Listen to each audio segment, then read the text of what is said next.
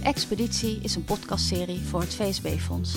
Daarin spreken Eelco Visser en onderzoeker Kees Fortuin over de stappen die vijf lokale coalities van bewoners en welzijnswerkers zetten richting een andere, betere samenwerking.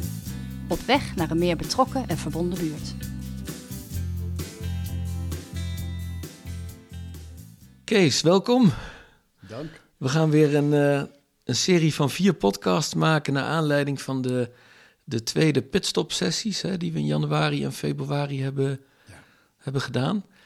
Met de vijf uh, lokale, of bij de vijf lokale uh, coalities. Hè. In de sessies stonden eigenlijk twee thema's centraal. Hè. Dat waren de schuurplekken, de, de plekken der moeite. De plekken waar coalitiepartners met elkaar echt nog dingen hebben uit te zoeken. En we hebben het al gehad over de impact, want ze zijn natuurlijk 14 maanden op weg met elkaar. Wat is er al veranderd? Wat is er gebeurd? Wat heeft het betekend en voor wie? Dus dat waren weer uh, rijke sessies. Nou, zeg dat wel, ja. ja. Hey, dit is de eerste editie en die, gaat, uh, ja, die, die heet Waardeer verschillen als verrijking. Dat gaat eigenlijk over de positie ten opzichte van elkaar, hè, van, de, van de coalitiepartners. Dus de bewonersinitiatieven en de, en de welzijnsorganisaties. Wat raakte jou daarin het meest? Eigenlijk het, het, het principiële verschil tussen een, een bewonersinitiatief en een welzijnsorganisatie. En uh, voor de welzijnsorganisatie, dat realiseer ik me heel goed. En dat het is ook wel heel duidelijk geworden in die, in die pitstop. De, de, de opdrachtrelatie met de gemeente is voor een welzijnsorganisatie heel belangrijk. En dat is natuurlijk een juridisch ding. Je zit gewoon je zit echt vast in dat stramien en je hebt te leveren, zo is het. En voor een bewonersinitiatief is dat veel minder dicht geregeld. En, uh, dus je hebt meer ruimte. En sommige bewonersinitiatieven kiezen daarvoor echt voor echt, daarin echt voor een autonome opstelling. Ook richting de gemeente, maar ook richting de welzijnsorganisatie. Bij anderen zie je dat dat meer naar elkaar toe aan het bewegen is. Dat zeker de welzijnsorganisatie en de bewonersinitiatief elkaar beter gaan vinden. En dan ook meer een, een, een gezamenlijk signaal naar de gemeente afgeven. Ja, ja hè, want en dat is eigenlijk elkaar vinden in wat je met elkaar wilt bereiken. Hè? Dus dat is in, in die. Uh, ja, jij noemde dat een beetje de derde kracht. Hè? Dus dat je dan uh, je kan actief zijn als bewonersinitiatief, als welzijnsorganisatie en als coalitie van die twee. Ja. Een soort derde kracht voor de buurt.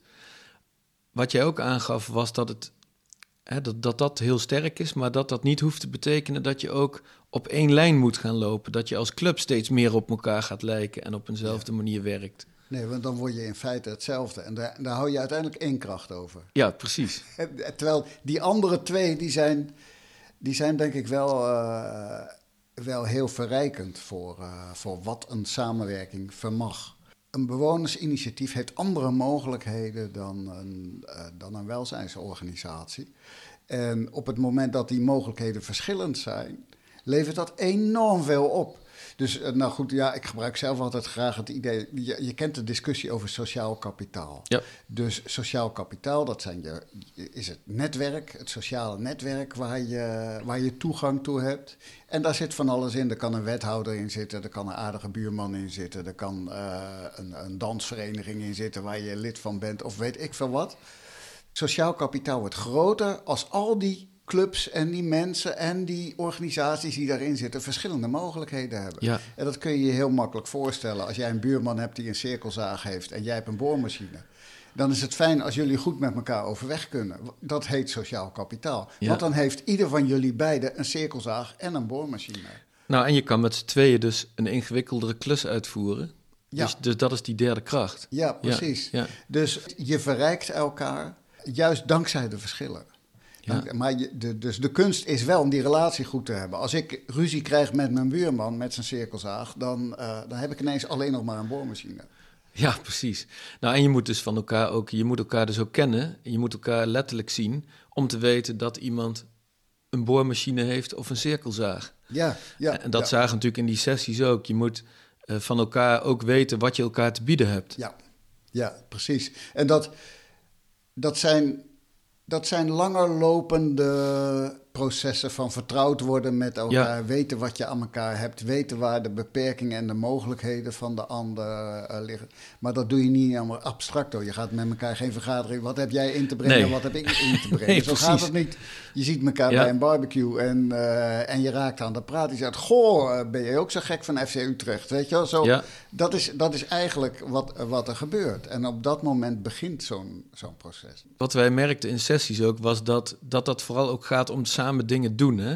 Dat daar ook in de gesprekken waar dit naar boven kwam, uh, dat, dat er ook heel sterk de wens was om dingen concreet te maken, om met elkaar aan de slag te gaan. Om inderdaad voorbij die gesprekken te komen waarin je dan van elkaar moet weten. Ja, uh, van wat heb jij nu allemaal te bieden? Dat merk je door te doen.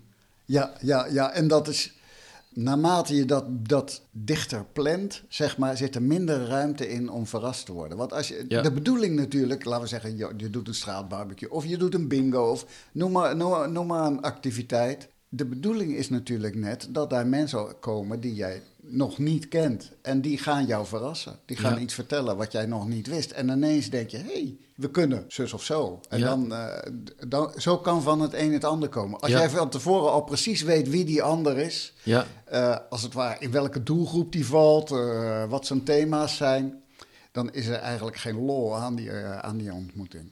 Nee, precies. En, en wat, er, wat er ook bij komt, is dat je je kan van elkaar weten wat je doet, wie je bent, maar, maar dat soms taal ook nog wel eens een dingetje is. Hè? Ja. Dat, je, dat je eigenlijk verschillende dingen bedoelt voor één en dezelfde term.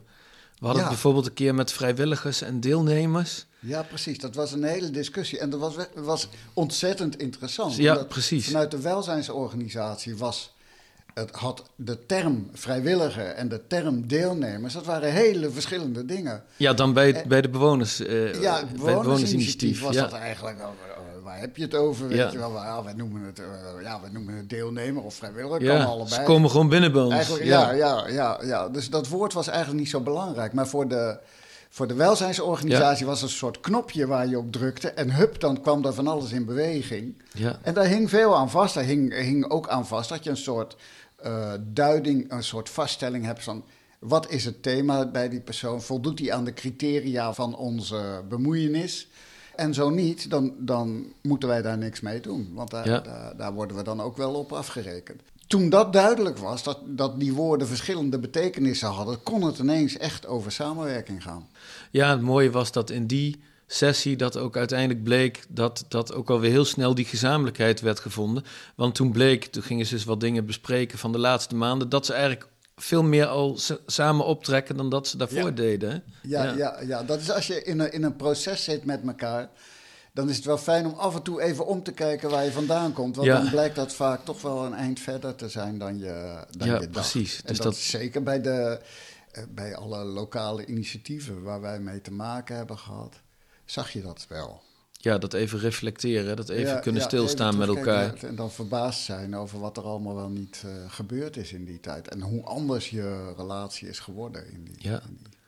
Maar ja, ook, ook het belang, en dat was wel wat in, in alle vijf sessies natuurlijk boven tafel kwam, dat dat belang van dat gesprek, dat met elkaar samen gaan zitten, ja. Uh, dat dat wel, uh, al, al is het maar omdat je er soms in de, maar daar komen we in een latere editie nog op terug, in de, in de hectiek van alle dag gewoon ook niet aan toe komt. Maar, maar dat, het, dat het echt, ja, echt van groot belang is voor die, voor die samenhang. Ja.